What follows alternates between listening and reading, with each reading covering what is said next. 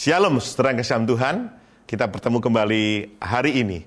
Saudara, ada satu peristiwa di dalam Alkitab yang peristiwa ini sebetulnya Tuhan tidak suka karena kesombongan manusia. Tetapi kita perlu belajar tentang satu rahasia di sana. Kita buka kejadian 11, saudara. Ayat yang pertama, ya. Saudara bisa lihat, firman Tuhan berkata, Adapun seluruh bumi, seluruh bumi, satu logat, satu bahasa, dan satu logat. Waktu itu di Menara Babel, saudara, mereka seluruh bumi, satu bahasa, satu logat, saudara. Kemudian ayat 4 berkata, Kata mereka, marilah kita dirikan bagi kita sebuah kota dengan sebuah menara yang puncaknya sampai ke langit dan marilah kita cari nama. Nah ini saudara, kesombongan. Supaya kita jangan terserak ke seluruh bumi. Saudara, kesombongan Tuhan tidak suka. Firman Tuhan katakan, terkutuklah orang yang sombong dan diberkatilah orang yang rendah hati. Tetapi kita melihat saudara, ayat yang kelima. Tuhan tertarik oleh sesuatu, bukan kesombongannya saudara Ayat 5. Lalu turunlah Tuhan untuk melihat kota dan menara yang didirikan oleh anak-anak manusia. Tuhan sendiri turun untuk melihat, saudara. Kota yang sudah dibangun oleh manusia seluruh bumi. Yang satu bahasa dan satu logat. Ia berfirman, mereka ini satu bangsa dengan satu bahasa untuk semuanya. Ini barulah permulaan usaha mereka Mulai dari sekarang apa pun yang mereka rencanakan tidak ada yang tidak akan dapat terlaksana. Berarti semuanya terlaksana. Saya ulang. Tidak ada yang tidak akan dapat terlaksana. Berarti semuanya terlaksana. Saudara, ternyata ketika ada kesatuan, ada satu sinergi, firman Tuhan berkata semuanya dapat terlaksana. Lalu dikatakan ayat 7, baiklah kita turun mengacau balaukan di sana bahasa mereka, supaya mereka tidak mengerti bahasa mereka lalu tidak didirikan menara ini saudara. Karena Tuhan tahu kuasa kesatuan, sinergi kesatuan.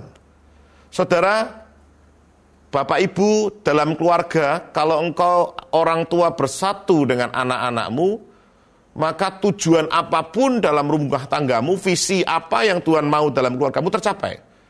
Contoh dalam satu perusahaan.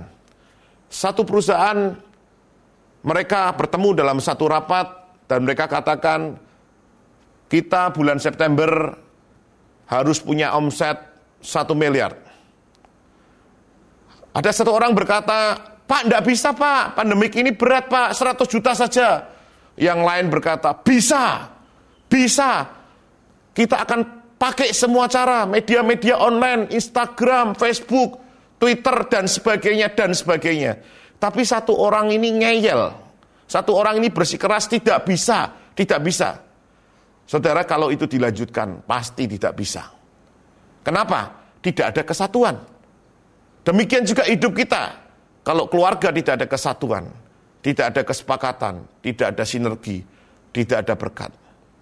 Kalau suami istri sering bertengkar, kalau rumah tangga sering bertengkar, saudara tidak akan menerima berkat. Saya ingat waktu saya masih melayani sebagai worship leader di gereja, saudara waktu itu kita setiap Kamis berdoa dengan teman-teman dan kami sering mendapat penglihatan di sana. Dan satu teman mendapat penglihatan bahwa berkat itu sudah Tuhan kasih di atas teman-teman musik tahu itu ya, teman-teman musik hal tahu bahwa Tuhan sudah kasih di atas. Tapi sering kali kita tidak ambil itu saudara. Berkat sudah ada. Demikian juga suami istri, keluarga. Harusnya berkat itu milik keluarga, saya pernah sampaikan. Tapi mengapa tidak diraih? Karena kita sendiri. Karena kita tidak mau raih itu. Karena kita hanya memikirkan hal-hal yang sepele saudara saya sering katakan kita egois.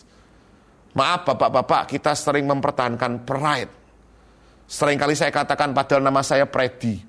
Pride-nya sudah saya ambil semua. Saudara tidak perlu ada pride lagi. Saudara kita hanya perlu rendah hati. Tuhan kami suami istri, anak-anak, keluarga, menantu, mertua mau nerima berkat dari Tuhan. Itu yang terpenting saudara. Mazmur 133 berkata, Sungguh alangkah baiknya dan indahnya apabila saudara-saudara diam bersama dengan rukun.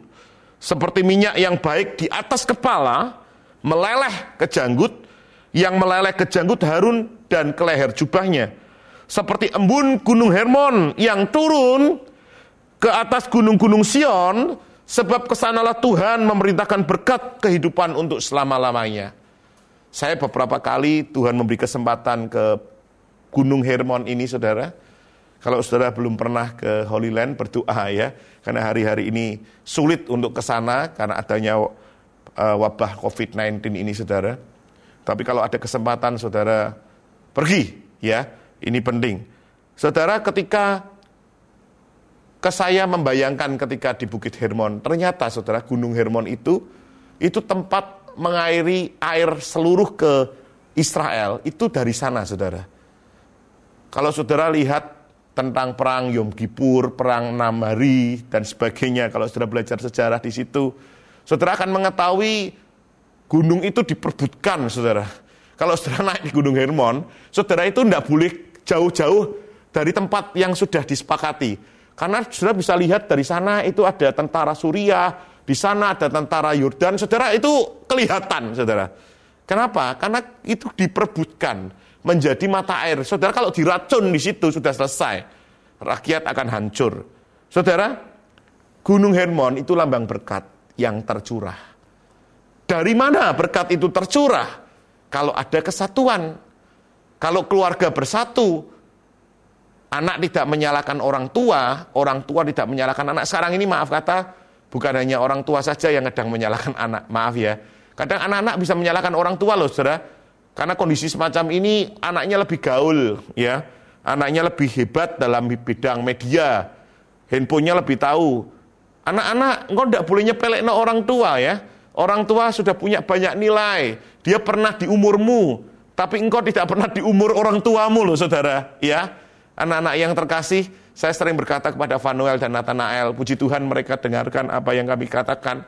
Biarpun mereka orang-orang media, mereka juga punya bisnis di uh, online saudara, tapi mereka dengarkan apa yang papa mamanya sampaikan. Saudara, saya katakan buat mereka, berkat itu datangnya dari mana saudara? Dari atas. Terus kemudian ke bawah saudara. Dari mana saudara? Dari kesatuan suami istri, kemudian dari ke anak-anak, dan kemudian ke cicit. Mak-mak, kalau engkau rindu anakmu, cucumu diberkati, Berdoa sama Tuhan. Tuhan limpahkan berkat itu turun ke bawah. Sekali lagi Tuhan memerintahkan berkat kehidupan untuk selama-lamanya ketika saudara diam dengan rukun. Ya, Jadi hari ini saya sampaikan buat setiap kita di mana pun kita berada. Kalau saudara mengalami masalah, selesaikan. Kalau engkau mengalami pertengkaran, stop dalam nama Yesus.